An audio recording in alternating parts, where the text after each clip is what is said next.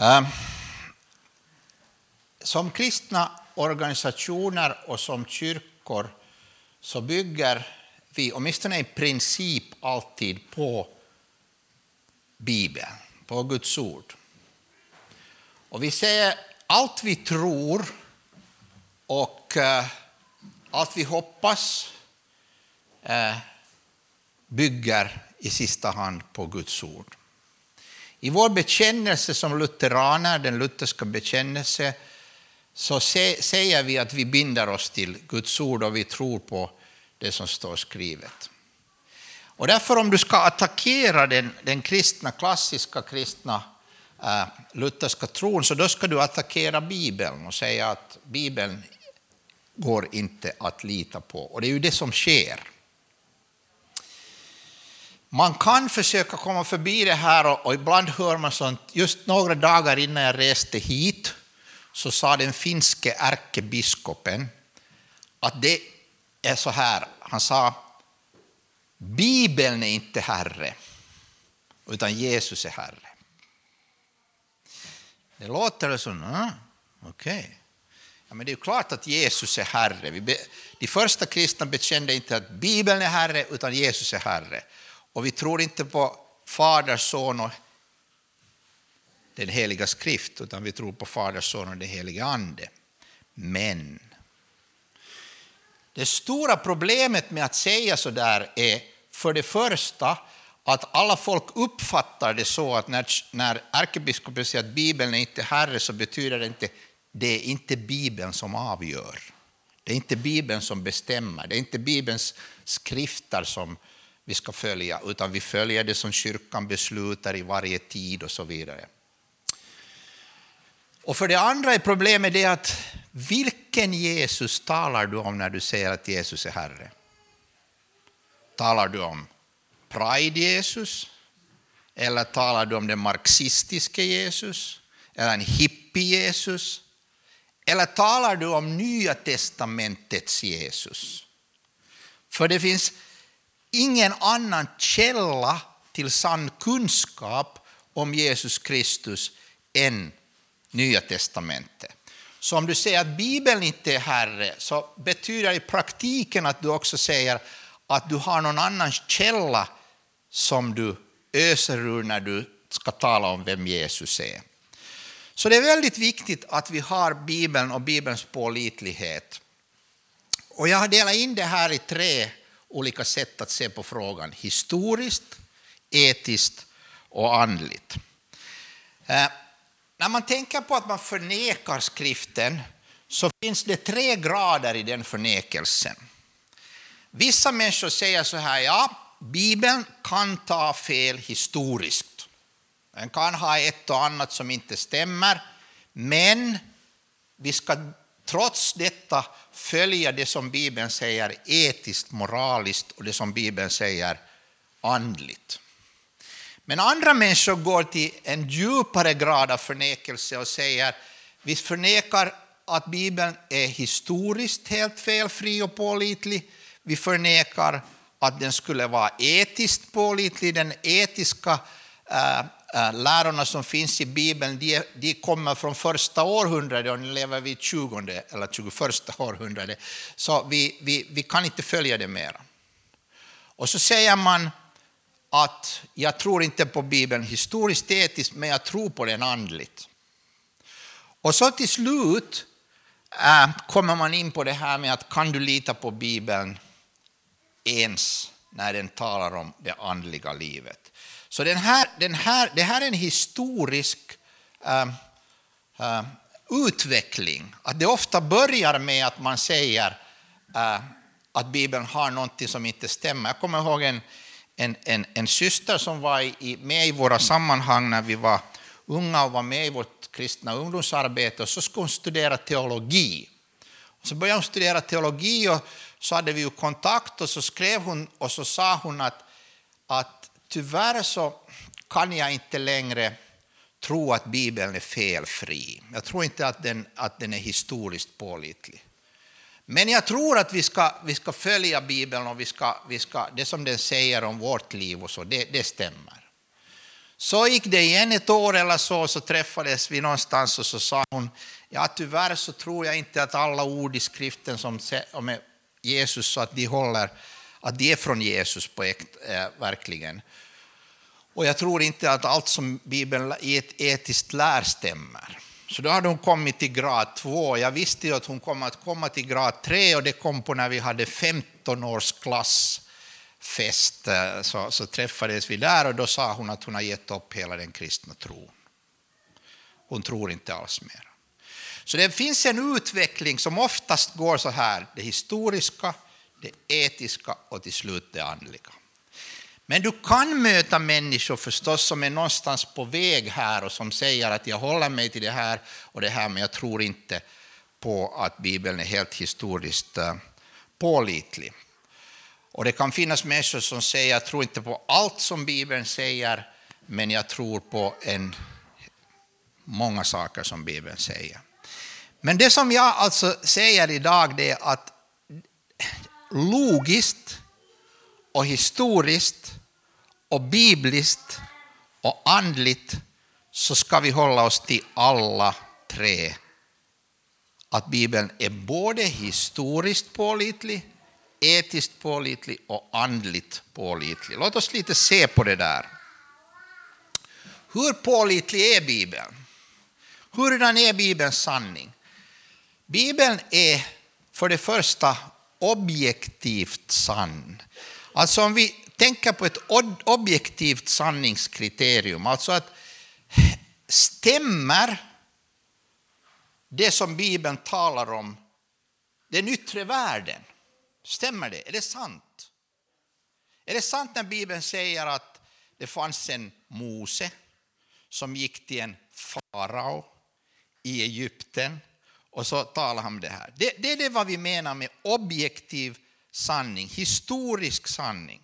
Eller när Bibeln säger att Gud skapade världen, att det är sant att Gud skapade världen. När Bibeln säger att det fanns ett syndafall, en flod, när Bibeln säger att Israel kom ut ur Egypten och marscherade genom öknen, är detta sant? Det, då talar vi om den objektiva sannings, sanningskriteriet när det gäller Bibeln. Om vi talar om Jesus, att han föddes, att han levde, att han hade en mor och en far, att han hade, eh, gjorde vissa under, att han undervisade. Då talar vi här till dem, är det sant det som, ge, som det står att hände historiskt och det som Bibeln talar om den yttre världen? Vi ska komma tillbaka till det, men vi ska förstå att Bibelns beskrivning av världen och historiens händelser är sanningsenligt. Med den lilla varning att du måste läsa Bibeln i enlighet med dens litterära art. Du ska inte eh, bekymra dig om det här är lite, lite mer invecklat. Jag ska förklara och öppna det här. Vad betyder det? Det betyder helt enkelt detta. Att eh, ska Bibeln alltid läsas bokstavligt? Ja, för det går inte att läsa den på något annat sätt. Märk, hör nu vad jag säger. Ska den läsas bokstavligt? Jag har gjort det här i Finland och nu ska jag göra det första gången här. Du får 100 euro av mig i alla dessa vittnens närvaro om du läser ett, en enda vers ur Bibeln på något annat än ett bokstavligt sätt. Lyssna nu vad jag säger om du läser en vers ur Bibeln på något annat än ett bokstavligt sätt. Går det att förstå det på norska? Okej, okay, 100 euro, vem vill försöka? Come on! För 100 euro, alla har hört. Jag önskar att det ingen, jag, jag hoppas alltid att det ingen ska vara. Men en gång i Finland så var det en jänta som hoppade upp ur sin bänk och sprang fram och tog min bibel och så kom hon, tog hon en vers och så började hon läsa. Detta var det svar som... Så sa nej, nej, nej, nej, nej, nu läser du bokstavligt. Och så bläddrade hon lite till och stod en annan vers. Genom den vedermöda... Nu läser du igen bokstavligt. Jag bad dig läsa icke bokstavligt. Hur ska du läsa icke bokstavligt. Försök läsa. Alltså, hör på, alla ni som törstar. Men nu ska jag läsa icke bokstavligt. Äh, äh, äh. Det går inte. Det finns inget sätt. Men jag har hört människor som är superintelligenta och fina människor sitta i finsk tv och säga ja, problemet med de väckelsekristna är att de läser Bibeln bokstavligt. Nå, hur ska man läsa den? Icke bokstavligt. Det går inte att läsa en text annat än bokstavligt. Bokstav efter bokstav, ord efter ord, mening efter mening. Är vi överens? All right. Ska Bibeln alltid tolkas och förstås bokstavligt? Nej. Därför att det går inte. När det står i skriften alla markens träd ska klappa i händerna så är det, det, det, det går inte att finna något träd som har händer så här. Det går inte. Men jag har aldrig mött en väckelsekristen någonstans i den mest Eh, bibeltrogna rörelse jag kunde ha sett någonstans. Jag har aldrig mött en kristen som påstår att detta ska förstås och tolkas bokstavligt. Det ska läsas bokstavligt. Alla, A, L, L, A. Markens M, A, R. Men det är poesi. Det, det, när, när det står i ett sammanhang där Guds frälsning bryter fram och hela naturen jublar. Men träden har inga händer som klappar, utan det är en bildligt, ett bildligt tal. Matteus 5.29. Om ditt högra öga är det till förförelse, så riv ut det och kasta det ifrån dig. Ska det läsas bokstavligt? Absolut. Det finns inget annat sätt. O-M, N-U, D-I-T-T. Ska det förstås bokstavligt? Ska, jag, ska, ska alla män och kvinnor här som någon gång upplever att deras ögon förför dem Ska vi alla gå och ta en sked från köket och så? Är det det Jesus menar? Nej. Och alla väckelsekristna i alla tider, ända från urkyrkan, finns någon sjuk människa på vägen som har, så kan vi läsa om i kyrkohistorien som, som hade gjort det här, men annars har alla människorna, alla tider, i alla kulturer förstått att Jesus menar att du ska göra ditt yttersta för att inte se. Vad, bety, vad kan det här betyda? Det kan betyda till exempel att om du har tendens att bli addikterad till pornografi så är det bättre att du inte har någon dator. Eller att du har ett program som gör att du inte kommer in på datorn. Eller att du har någon vän som du konfidierar. Det betyder att du river ut ur ditt liv det som får dig på fall. Förstår du? Men ingen säger att det här betyder bokstavligt. Jag älskar Luther, för han är alltid rakt på sak. Han var så rak på sak att hans bästa, en av hans bästa vänner, Melanchthon, de hade lite svårigheter, för Melanchthon ville alltid liksom ta det lugnt och, och sakligt och så här, och Luther ah, ska gå på. Bibeln är skriven för människor som har ett huvud på sina axlar.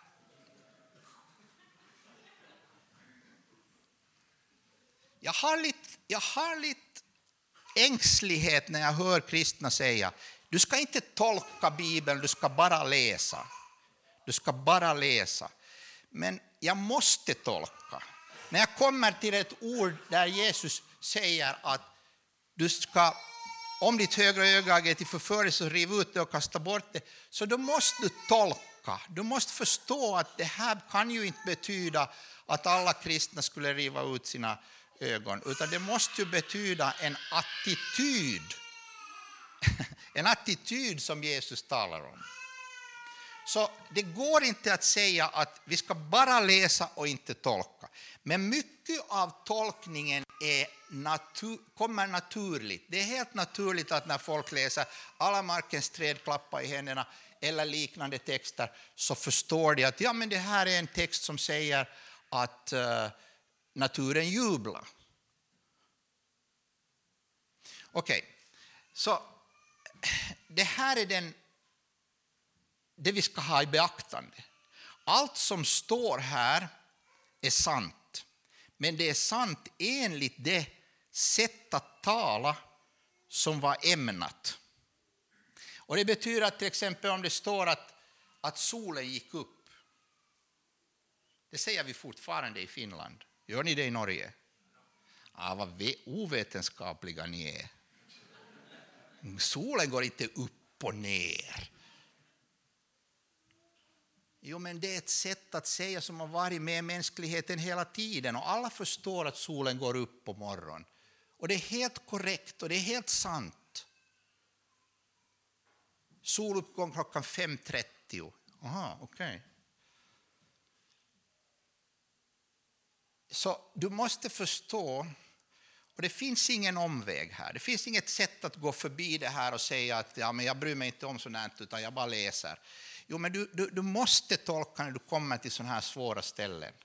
Och du måste tolka på något sätt när du läser skriften. Men det, jag skulle säga att det är 90 95 eller 90 procentigt är det bara naturligt. Det bara kommer av sig själv. Sammanhanget, du har börjat läsa en berättelse, du förstår. När du, de flesta som börjar läsa Uppenbarelseboken förstår omedelbart att här är det mycket, det vimlar av bilder, av, av olika typer av, av symboler som vi ska förstå. Men det finns de som äh, får det lite fel här. Men Bibeln är sann, men du måste beakta vad den, hur den talar. Och det, vi har ingenting att klaga på här. Det är Guds vilja att det är så här. Gud ville att vi skulle ha salmerna. Gud ville att vi skulle ha predikaren. Gud ville att vi skulle ha Uppenbarelseboken och Daniels bok. Han ville ha en sån här bibel. Och jag, det, det, är onödigt att vi invänder oss och säger ja, men kunde det inte ha varit bara sådär sats för sats och helt klart. Och, nej, han ville ha en sån här skrift. Det var så här han valde, det var så här han gjorde. Vi är tacksamma och prisar och lovar Gud för det. Så, vi går tillbaks ännu en gång. Det första sanningskriteriet, Bibeln förmedlar verkligheten sådan som den är. Bibeln säger att det finns en Gud, att det finns änglar, att det finns demoner, att det finns en värld som vi inte ser. Att, så det är sant. Det är sant, Bibeln beskriver. Och när Bibeln beskriver konungar och historiska händelser och uttåget ur Egypten och floden så tror vi att det är sant som det står. Så det är första sanningskriteriet. Det andra sanningskriteriet är ett intersubjektivt sanningskriterium. Det blir bara svårare ord här.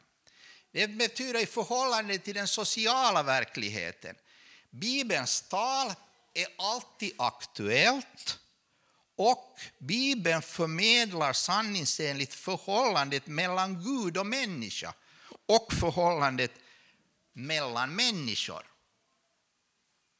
Det här betyder, låt oss ta några exempel, att när, när Bibeln talar om en man, en kvinna, män, kvinnor och deras förhållande så är det sant det som Bibeln säger.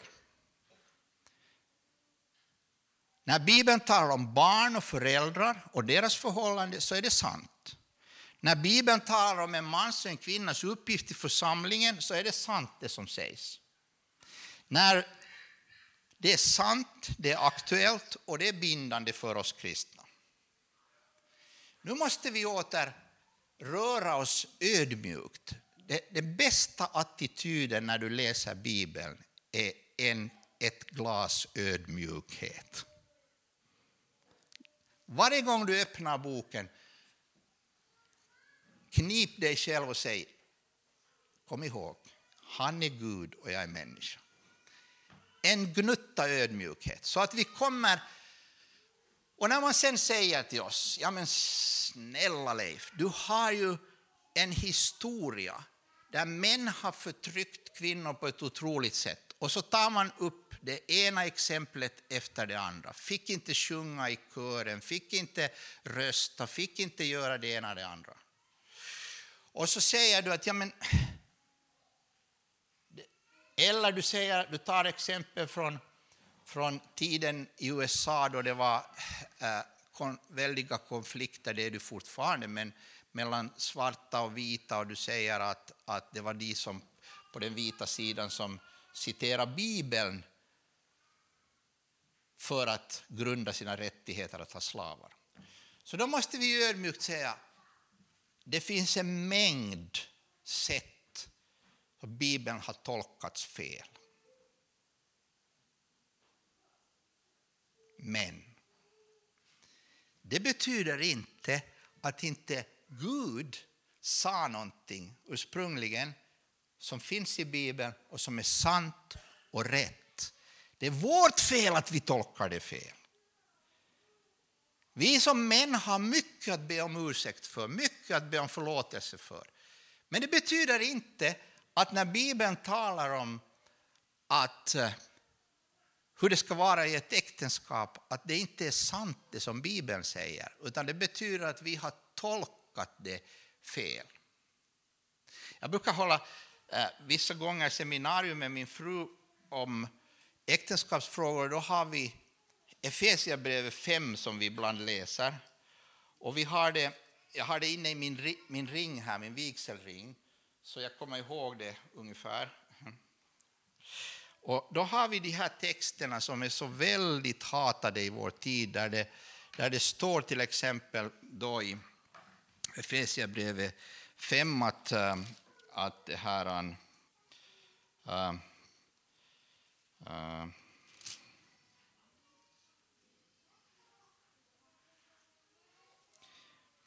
Underordna er varandra i Kristi fruktan.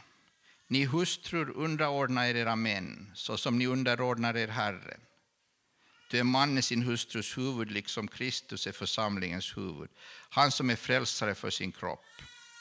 Som församlingen underordnar sig Kristus, så ska hustrun i allt underordna sig sina män. Ni män, älska era hustrur så som Kristus har älskat församlingen och offrat sig för den. Och så vidare. Nu har jag försökt i 40 år, jag har varit gift strax i 40 år, så jag har försökt få min fru att byta ring med mig. För i min ring står det där att jag ska älska som Kristus älskar och vara beredd att ge mitt liv för henne. Och i hennes ring står det bara att hon ska underordna sig. Jag skulle vilja byta. Så att hon skulle måste offra sig alltid och ta ut roskisen. Att hon skulle måste offra sig och göra det och göra det och det. Därför att så som Kristus tjänar oss. Förstår du poängen? Nej, det gör du inte. Men alltså min poäng är att den här, den här texten, vi har inte tid att göra det, det är ett eget seminarium, men den här texten är så balanserad, den är så, den är så djup och den, den är framför allt krävande för en man. Den är så krävande för en man att alla män lyfter upp sina händer och säger tyvärr, om du ska gifta dig med mig så måste du förstå att jag kommer aldrig att leva upp till det här. Jag kommer aldrig att älska som Kristus älskar. Jag vill växa, jag vill vara, jag vill, jag vill helgas och så vidare, men jag kommer aldrig att bli som Kristus som dog för oss. Jag kommer aldrig att bli, jag menar, dö för henne. Jag orkar ju inte ens gå mot henne när hon kommer sent från jobbet. Förstår du min poäng? Liksom det där vardagliga lilla, att jag skulle alltid dö i det där och vara beredd.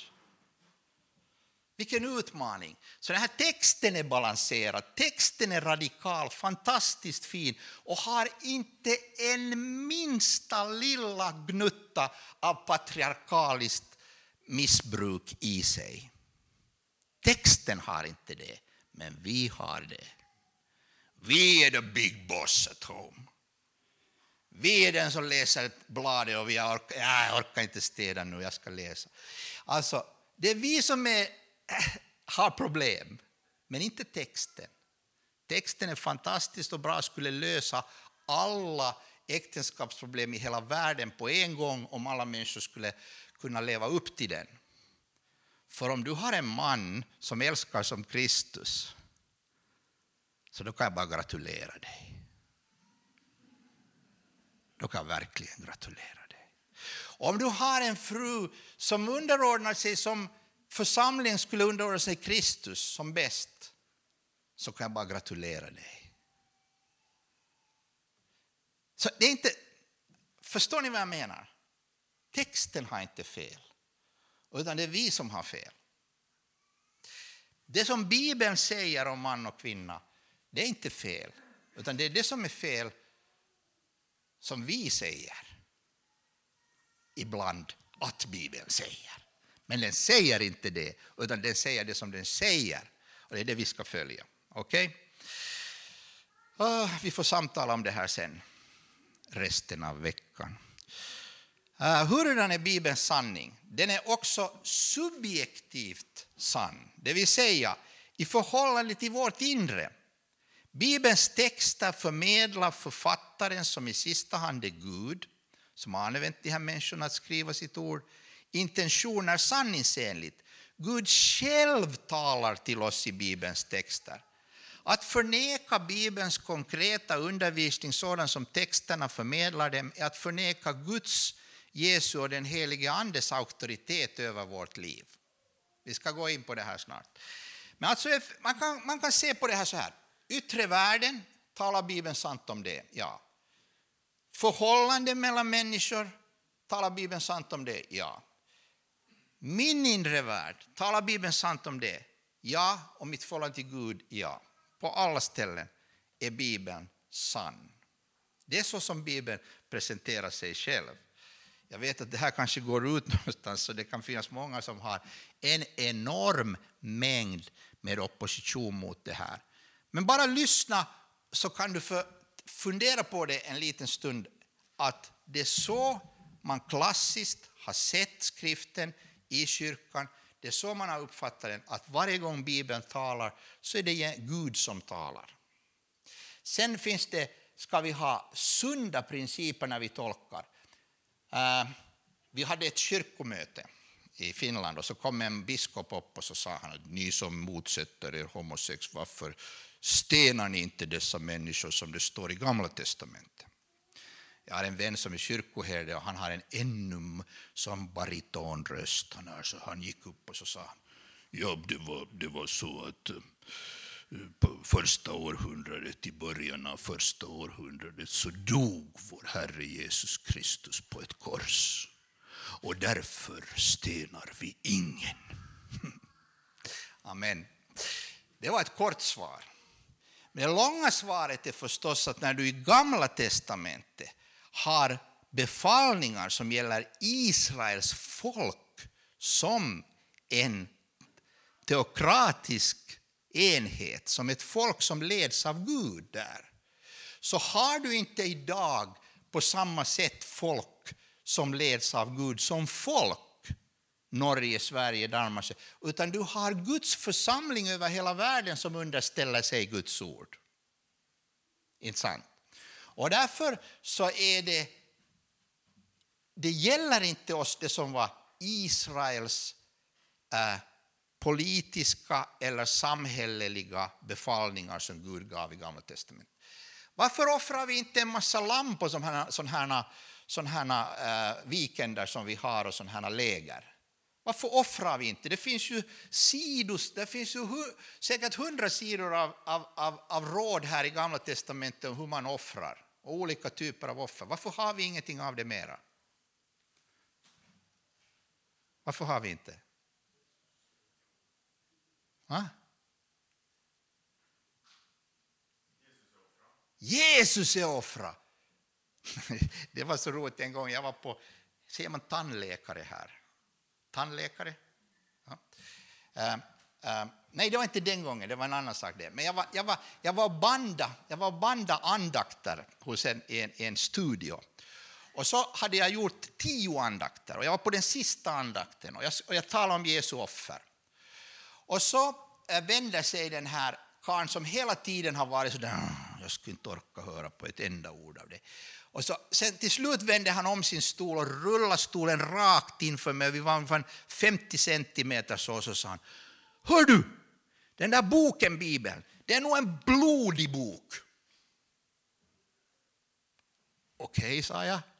Ja, jag, jag, jag, jag pratade med min fru här om kvällen att det är en så blodig bok, det där Bibeln.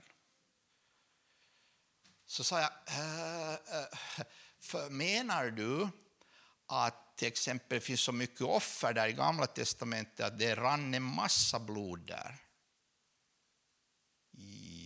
Ja, det är just det han menar. Och att det var en massa krig där. Ja, det är just det han menar. Så det är blodigt. Låt oss ta offren först. Har du märkt, sa jag, att när du kommer till Nya testamentet, och där har ju den där Jesus, inte sant? Ja. Och han dör på ett kors, ja. Och hur många offer har du sen? Han tittar på mig bara. Hur många offer har du sen när Jesus har dött? Den kristna församlingen har inte ett enda offer. För Jesu offer gjorde slut på alla offer. Vet du, när två män sitter 50 centimeter från varandra så kan en man ibland förstå vad den där andra mannen tänker. Du kanske inte tror det, men det är så. 50 centimeter. Jag såg i hans ögon att han liksom... Ja, men... Ja, det skulle kunna vara så där. Och så sa han, fyll i nu så att vi kommer ut härifrån. så ska jag fylla i några blanketter och så ska vi ut. Så han ville inte fortsätta på den diskussionen. Men, no, men vad med krigen? De är blodiga. Ja, vad är de idag då? Jag älskar det när någon säger att vi är ju en utvecklad mänsklighet, vi har inga blodiga krig mera. Och tänk på de där karlarna som satt i Gamla testamentet som, som, som vann över en annan, så satt de ett huvud per en stång där, tog löst huvudena på de där kungarna och satt dem Eh, där eh, till, till ett tecken för att de har segrat. Ja, vad var det amerikanerna gjorde i Afghanistan? När de hade skjutit ihjäl folk så, så satt de, soldater så satt de dem i en sån position att det skulle vara så hedande som möjligt för den islamska tron. Så vad är det vi gör? Vad är det som skedde? Men Europa, vi är annat. Europa, Europa, vackra Europa. Vi är ju utvecklade. Ja, vad var det som hände mitt i Europa, i Zagreb? Vad var det som hände? Jo, att man ställde upp hundratals människor och sköt dem rakt i huvudet under din livstid, min vän. Vi är inte alls bättre. Och Bibeln talar om en tid som var full av krig, våldsamhet, oförsonlighet.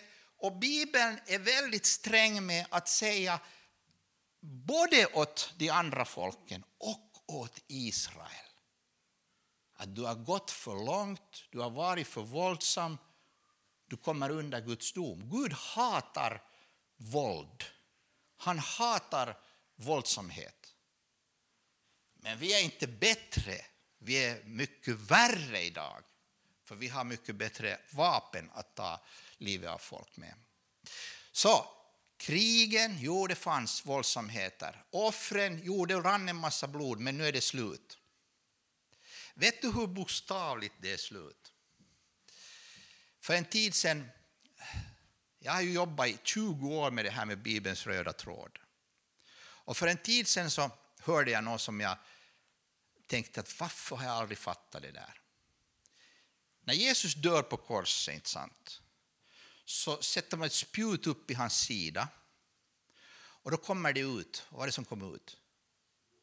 Vatten och blod. Mm. Ur sidan. Och det är offret som gör slut på alla andra offer. Och låt oss gå till templet första århundradet. Det israeliska templet. Och så är det en högtid. och så offrar man så mycket lamm att blod överallt och blodet rinner. Och var rinner det ut?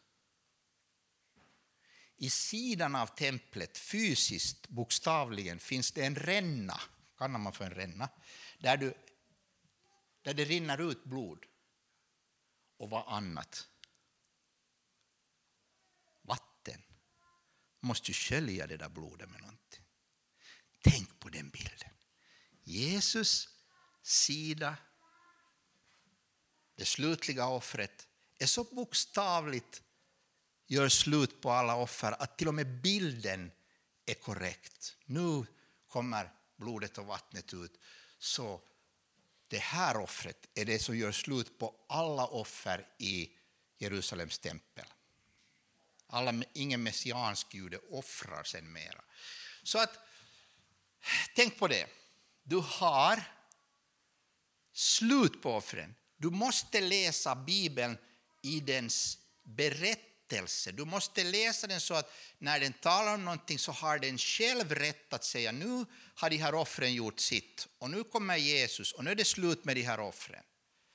Och du kan ha, Gamla testamentet kan Gud leda sitt folk och ge vissa speciella lagar om dödsdomar och annat.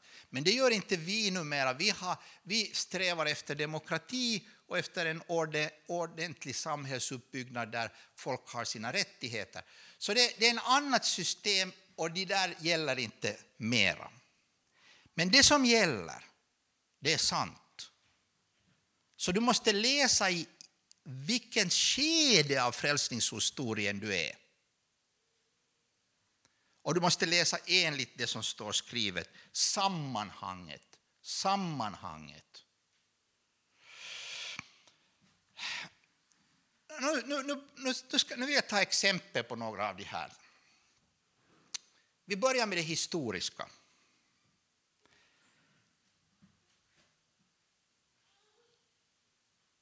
Hur har det varit i historien? Det har varit så att till exempel på 1800-talet menar flera forskare att Bibelns tal om hetiterna var ohistoriska, för man hade inga arkeologiska bevis för hetiternas existens. Enligt Bibeln var hetiterna ett stort folk lik med egyptierna. Det står i Andra Konungaboken 26, då sa de till varandra, du ska se att Israels konge har lejt hetitekongen och egypterkongene till att kämpa mot oss. Det var ett stort folk som Bibeln talar om, men forskarna sa att ja, det här är sagor. Det finns inget sånt folk, det har aldrig funnits ett sånt folk. Vi känner inte ett sånt folk från historien. Och nu satt den lille kristne där då. Okej, okay, jag får väl ge upp det där då.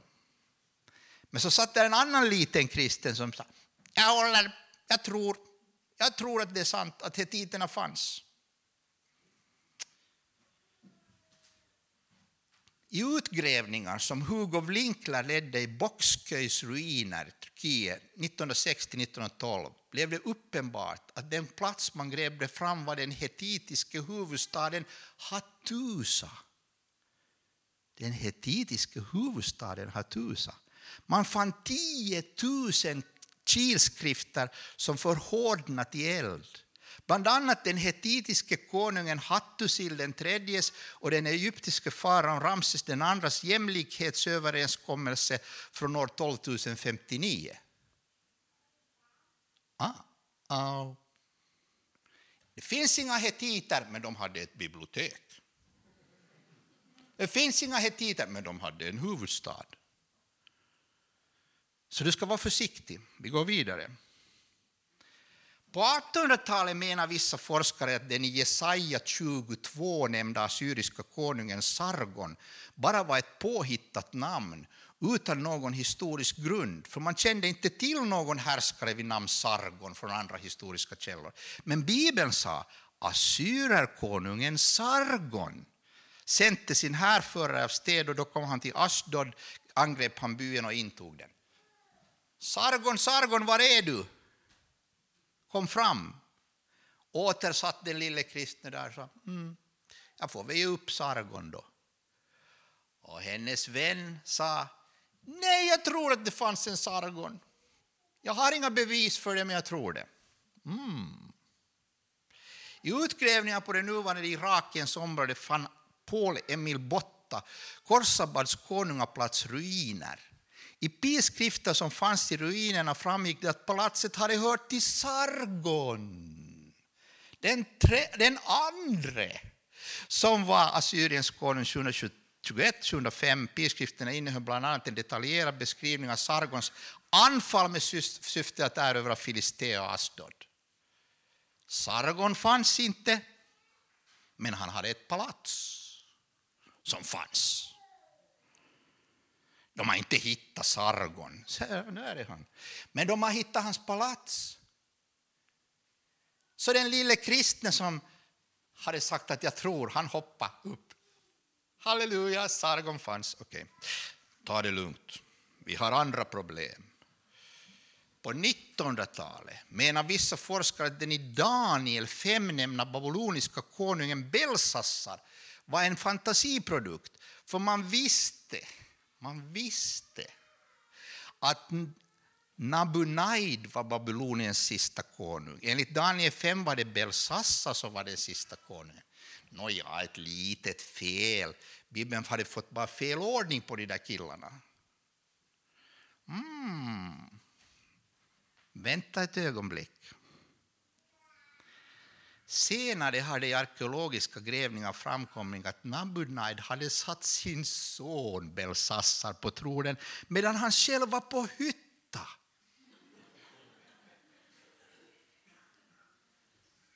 Han var på hytte och han hade skönt och drack kaffe där. Och gick i norska skolan. Nej, det var inte norska skolan. Men han hade skönt och han hade sin son att jobba. Och Bibeln visste om det där och fick det rätt, men forskarna visste inte om det där. Vi går vidare. 1993 publicerade den största finska dagstidningen Helsingin Sanomat en artikel med titeln Enligt amerikansk forskare är en stor del av Gamla testamentets sagor. Artikeln baserade sig på professor Thomas Thomsons bok där han bland annat påstod att de i Gamla testamentet omnämnda kungarna David och Salomo är fantasiprodukter. Innan vi går vidare med det här ska jag säga dig, det här är min personliga tro och jag har inga bevis för den. Men jag tror att det finns en ängel i himlen.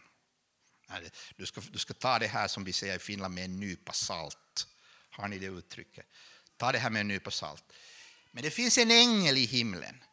Och när alla änglarna och hela hovet i himlen inte orkar lyssna på våra förnekande mödrar, det finns ingen David, så säger någon till den där ängeln, nej, nu får du nog ge dig iväg. Och så kommer han ner hit och så blåser han på sanden lite grann och så kommer arkeologerna och så under, märk, märk det här, 93 publicerar han på sommaren. Samma sommar, samma sommar, några månader, eller en månad, två senare, ledde arkeologen Abraham Biran ingrävningar vid Tel Dan i Israel. Vid grävningen fann man en arameisk skrift uthuggen i sten där Davids hus nämndes, Bet David. 1995 fann man ytterligare en annan del av skriften där det kungens namn från Israel och Davids hus nämndes som Arams konung påstått att dödat i strid. Det vill säga, den där ängeln, den där, i min berättelse, han blåste bort och det är intressant hur man fann den här stenen för de hade redan slutat gräva och gått och lagt sig för dagen. Men det var en som gick omkring där och sparkade sand. Och så kom ängeln. Och så, och så sparkade han rakt i stenen. Och så hittade han en stenen och så började han se, här är massa skrift. Och så rusade han och väckte den där arkeologen Biranin och sa, hej, hej, jag har hittat någon skrift. Och så kommer de och så har de gjort ett av de största fynden som med en enda gång bevisar att David har funnits. Ja, bevisa, för det är ju lite konstigt det här. Jag, jag, jag brukar fråga de här kritiska vännerna att förklara det här för mig. Du har 50 sidor om David här, eller någonting. Och du säger nej, nej, nej, nej, nej, nej, nej, nej, nej, nej, det är bara fantasier. Och så har du en sten. Och så säger du, det är sant. Det är sant. Han fanns. En sten Jag har 50 sidor. Jag trodde på dem redan innan du hittade stenen. Jag, försöker hålla dig vaken, därför har jag lite humor med här, men, men, men låt oss ta det här på fullt allvar. Vad är, du, vad, vad är det du vill ha? Fråga din kritiska vän, vad är det du vill ha? Att du tror Bibeln. Eh, ska vi ha... Vill du ha bevis på från början till slutet av Bibeln, olika epoker, olika tider, att man gräver fram någonting och visar att den här mannen fanns, den här kungen fanns, den här staden fanns, det här kriget var och så vidare. Eh, skulle det hjälpa dig? Ja, det skulle hjälpa mig. Okej, hur mycket ska du ha av dem? Ja, tio vore bra. Tio stycken från olika tider. Tio stycken. Bara tio? Nåja, egentligen kanske, kanske 30. 30 stycken bevis. Eh, 50 stycken bevis. Okej, okay, om du går så där så. 100, jag vill ha 100. Okej. Okay. 200. Var drar du gränsen? Hur mycket ska vi gräva fram? Jag satt i Polen för en tid sedan på ett möte där en tysk forskare höll på i tre timmar. Han hade bara bilder. Jag, jag, jag bad och tiggde till honom att jag skulle få dem, men jag fick inte dem. För han hade jobbat så mycket med det där så han ville hålla dem där. Och han sa att han kanske ska ge ut en bok en dag. Och jag sa åt honom att please, ge ut den här boken. Men han höll på i timtal och han hade den ena bilden efter den andra av detalj på detalj på detalj på detalj på detalj. Av Jeremias sekreterares sigill. Jag menar inte bara Jeremia, den där kufingen, utan hans sekreterare. Och det är sigill och så vidare. En massa små saker, konungar, eh, städer, massa som vi har grävt fram på olika håll, olika ställen och det kommer hela tiden mer. Och skulle det inte vara med den eländiga situationen i Mellanöstern skulle vi kunna gräva fritt och ha fri arkeologi där på alla ställen, gräva under tempelhöjden och på alla olika ställen, men det blir ju världskrig om vi går och gräver där. Men skulle vi kunna göra det så tror jag vi snart skulle finna de där löven som Adam och Eva täckte sig med. Men ingenting hjälper för den som säger ja det är bra att du har hittat den här David, men hur är det med den här då? Hur är det med den här då? Hur är det med den här då? Det hjälper ju ingenting, men det är ganska bra om du liksom oplanerat får från olika delar av skriften fram det ena efter det andra som bestyrker skriften. Ah, det finns ju så massa här så vi kan inte gå in på allt, men historiskt finns det en massa saker som bestyrker skriftens pålitlighet. Forskaren och historikern Colin Hemer, som är expert på antiken, har undersökt apostlagärningarnas historitet vers för vers.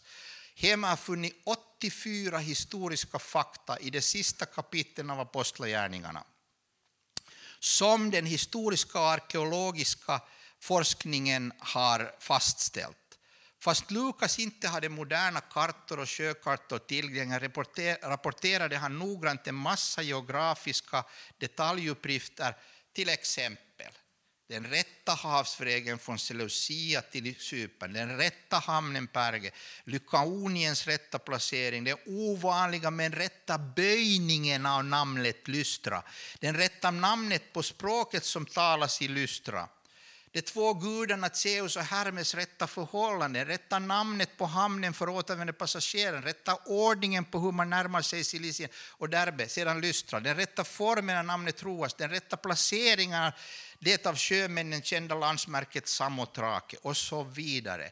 Lukas beskrivning är så precis att han själv måste ha varit ett ögonvittne eller åtminstone ha fått sina uppgifter av ögonvittne.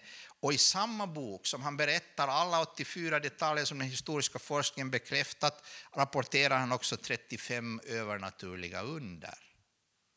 Så nu om du är naturalist, alltså som inte tror på något under, så kan du säga att jag, jag köper det där med det där som vi har bekräftat, de där 84 detaljerna, men jag tror inte på de här undren. Men det är samma man i samma bok med samma exakthet som beskriver Så varför tror du inte på det där? Nåja, det, det kan vi tala om senare, men alltså du har en massa bekräftande. Men Bibeln är fortfarande attackerad. Och här är ett gott citat. Sekularismens största succé ligger i den vitt utspridda demoralisation bland präster och teologer som borde förkunna och tolka evangeliets sanning men som har bedragit sig själv genom att tänka att de kan uppnå den målsättning genom att omforma den kristna tron enligt sekularismens krav. Jag har nu, nu här talat länge om att Bibeln är historiskt pålitlig, men varför är det vissa folk vill säga att den inte är och att den och den läran som Bibeln har är bunden till sin tid och så?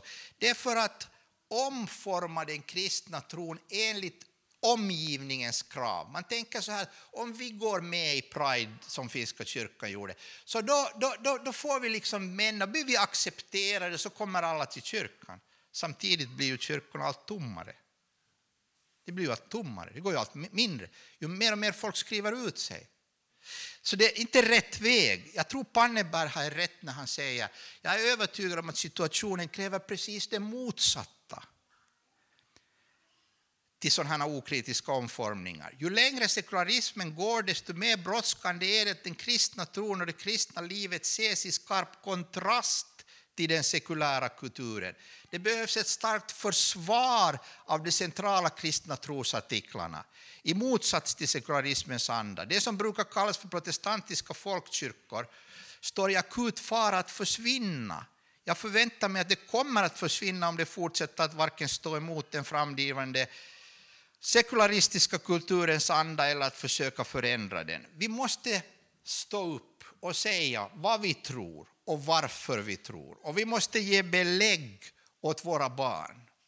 Det bästa jag någonsin har hört på en, på en födelsedag var, var på min, födelse, min 60-årsdag när min dotter sa så här.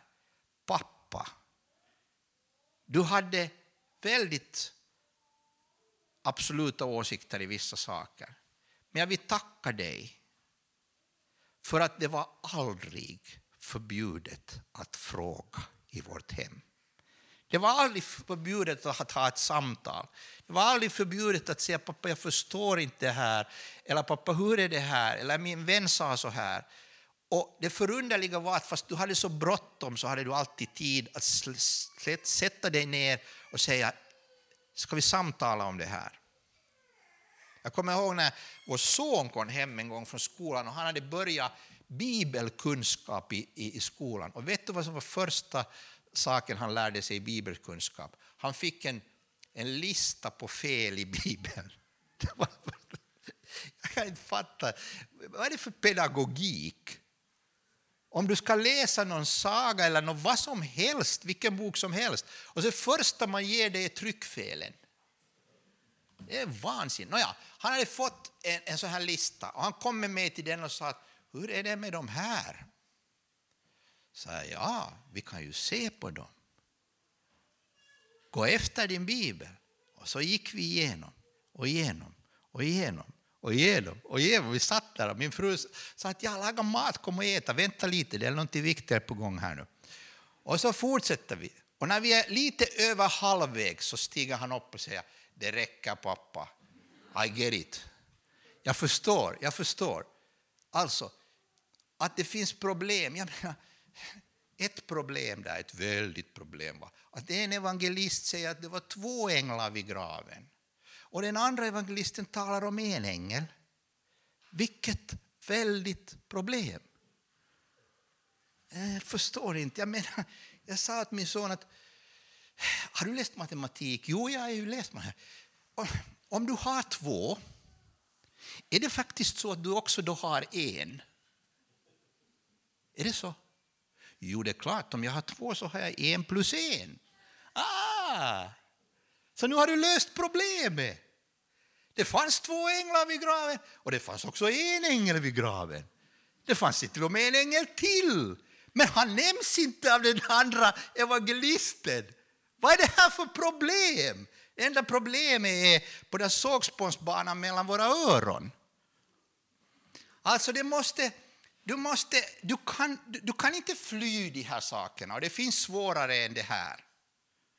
Men du kan inte fly dem, men du ska ta emot dem och sätta dig ner i lugn och ro. Du kan lita på skriften, du kan lyssna.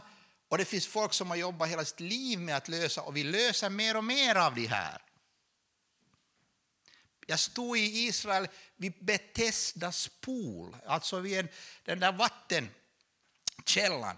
Och, och eh, vi hade en, en, en guide som förklarade för oss exakt i detalj hur det gick till när vattnet kom dit och började bubbla. Det var ju då, det står ju i evangelisten skriver att, att när, det, när, det, när det rör på sig så det är då man kan bli helad och så vidare, så hade de en sån tro. I åratal, i årtionden, i århundraden så hade man ingen Betesdas, Betesdas vad heter det, eh, sån här pool? Damm. Ingen Betesdas damm.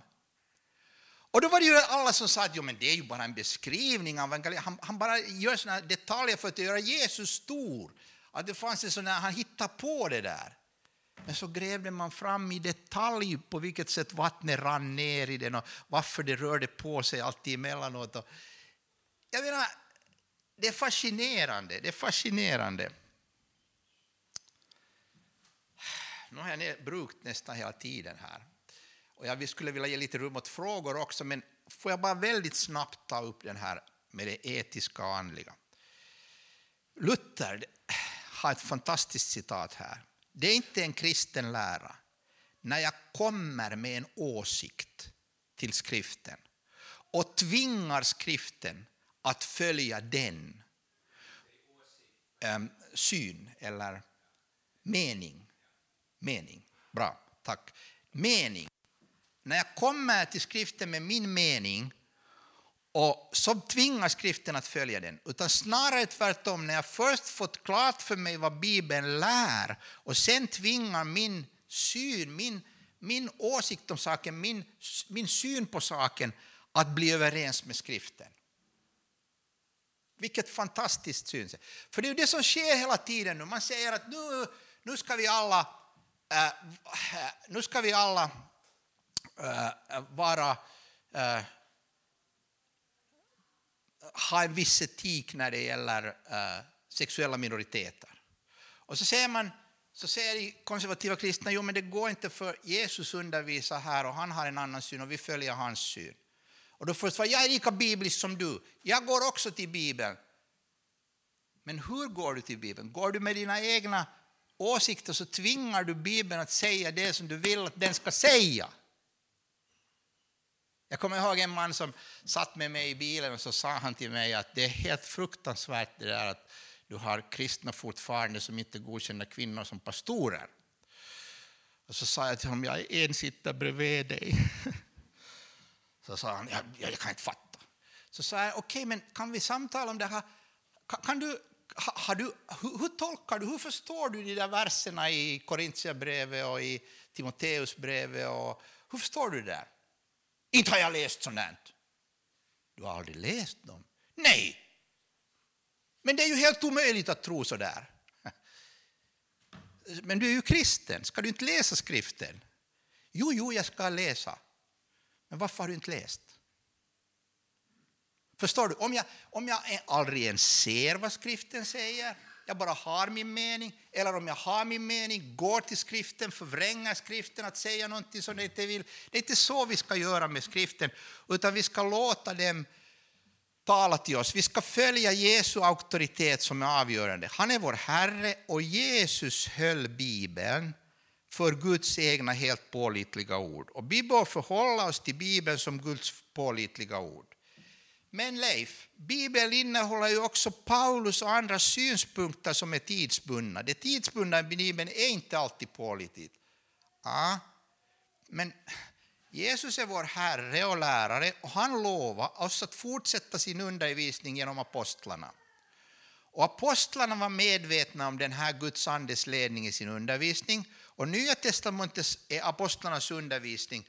Då är alltså Nya testamentet Jesu undervisning. Låt mig ta det här lite långsammare.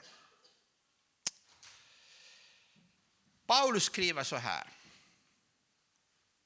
För övrigt blöder, ni har lärt av oss, alltså av apostlarna, hur ni ska leva för att behaga Gud. Och det är ju så ni lever. Nu ber och uppmanar vi er i Herren Jesus att låta ert liv ännu mer överflöda i detta. Ni vet vilka föreskrifter vi har gett er från Herren. Detta är Guds vilja. Paulus skriver väldigt med stor auktoritet. No? Så säger han det han säger och så säger han att eh, vi ska leva så här. Okej? Okay? Ni har lärt av oss. Ni vet vilka föreskrifter vi har gett er från. Eh, det är det lilla grekiska ordet dia. Genom istället på, för på vägnar av. Alltså, Jesus sa ju att jag har undervisat er nu, men ni, ni, ni kan inte ta emot allt nu. Utan när sanningens ande kommer så ska han leda er in i hela sanningen. Okej? Okay? Och när sanningens ande kommer så kommer han via apostlarna och ger den apostoliska undervisningen och den apostoliska undervisningen är då Jesu undervisning. Det är föreskrifter vi har gett er från, via, genom, på vägnar av Herren. Och dessa föreskrifter, alltså Paulus brev, är Guds ord. Och så säger han att den som nu avvisar detta avvisar inte en människa utan Gud som har gett sig sin heliga ande. Hänger du med? Alltså om, om du säger så här, jag, tar det som, jag köper det som Jesus säger, jag, jag tror det som Jesus säger. Men Paulus, han har en massa åsikter som jag inte tror. Jo, men problemet är det här, när Paulus talar, när Petrus skriver, när Johannes skriver, så är det inte deras egna idéer, utan det är den helige Ande som har inspirerat dem att skriva på vägnar av istället för Jesus. Så de är apostlar med all den auktoritet som Jesus har gett dem.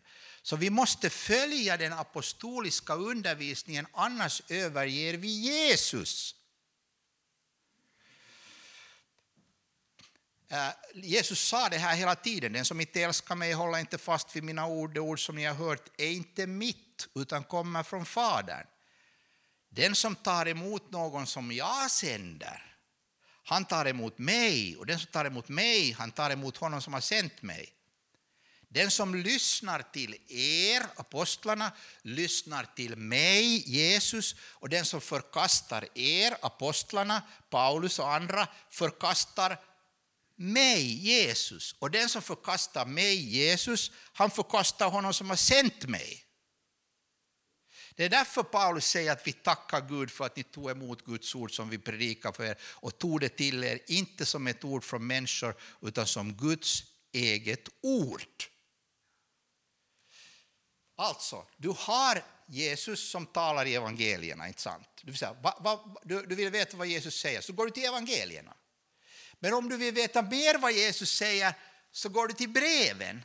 För det är samme Jesus som undervisar via Matteus, Markus, Lukas, Johannes och Paulus.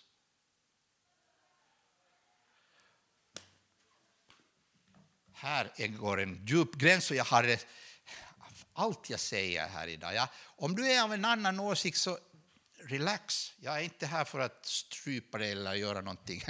Utan du har en frihet att tänka som du vill. Du får, för precis, men jag bara förklarar hur den kristna konservativa synen har varit i alla tider. Och om du överger den här synen så måste du veta vad du överger. Det är det första. Du kan ha en annan syn, men du måste veta vad den är och helst hoppas jag du grundar den i Guds ord. Och ett sätt som man gör det här, som man säger, jo det som Jesus säger, det håller jag, men det som Paulus säger, det behöver jag inte bry mig om. Jo, men det går inte så där, därför att Jesus var den som gav Paulus det han skrev. Den som förnekar den som jag har sänt, han förnekar mig. Att säga att Paulus, du har fel, är att säga att Jesus, du har fel. Att säga att Petrus, du talar på dina egna vägnar, det är att säga att Jesus inte vet vad han gör när han valde Petrus och talade genom Petrus. Så vi har hela skriften, evangelierna, breven, hela alltihop, Guds ord och vi böjer oss inför det. Sen, Och innan vi tar några frågor, möjlighet till frågor här, så säger jag bara det här. Vi måste, jag sa att vi ska vara ödmjuka när vi kommer till skriften. Om jag inte har varit det här idag så är det bara mitt fel. Så det är no problem. Det är skriften vi talar om nu. Och när vi, vad ska vi ha ödmjukhet i? Att om en broder säger till mig, Leif, du läser fel, du tolkar fel, du har missuppfattat det här med kvinnans roll, eller du har missuppfattat det här med eh, äktenskapet, du har missuppfattat det här. Så då vill jag säga till honom, jag visar mig, visa mig hur jag har missuppfattat. Kan du, kan du visa mig från skriften hur jag har missuppfattat? Så vill jag lyssna på det, jag vill tänka på det. Jag vill fundera på det, jag vill be över det. Men om jag kommer till att jag inte har missförstått, så då håller jag fast vid det. Då håller jag fast vid det. Det finns en massa underliga saker som sker i världen. Det var en som sa till mig, Leif, du är en intelligent man. Jag kunde ju ha förlåtit honom vad som helst efter det där, men han sa, Leif, du är en intelligent man. Du, du kunde bli fast kyrkoherde eller biskop. Men, men, men du, är så, så, du håller dig så till den där... Du måste lite, lite liksom vara lite mer, vad heter det, flexibel. Flexibel när det gäller det här som Bibeln lär. Det kan jag tyvärr inte vara, sa han. Ja, det är det som är ditt problem. Jag undrar, tänk att komma och säga sådär åt någon. Känner du igen rösten förresten? Har Gud verkligen sagt? Jag kommer ihåg en, en kille som är den mest intelligenta man jag vet. Han är intelligent. Han är dubbeldoktor, professor vid ett universitet i Finland.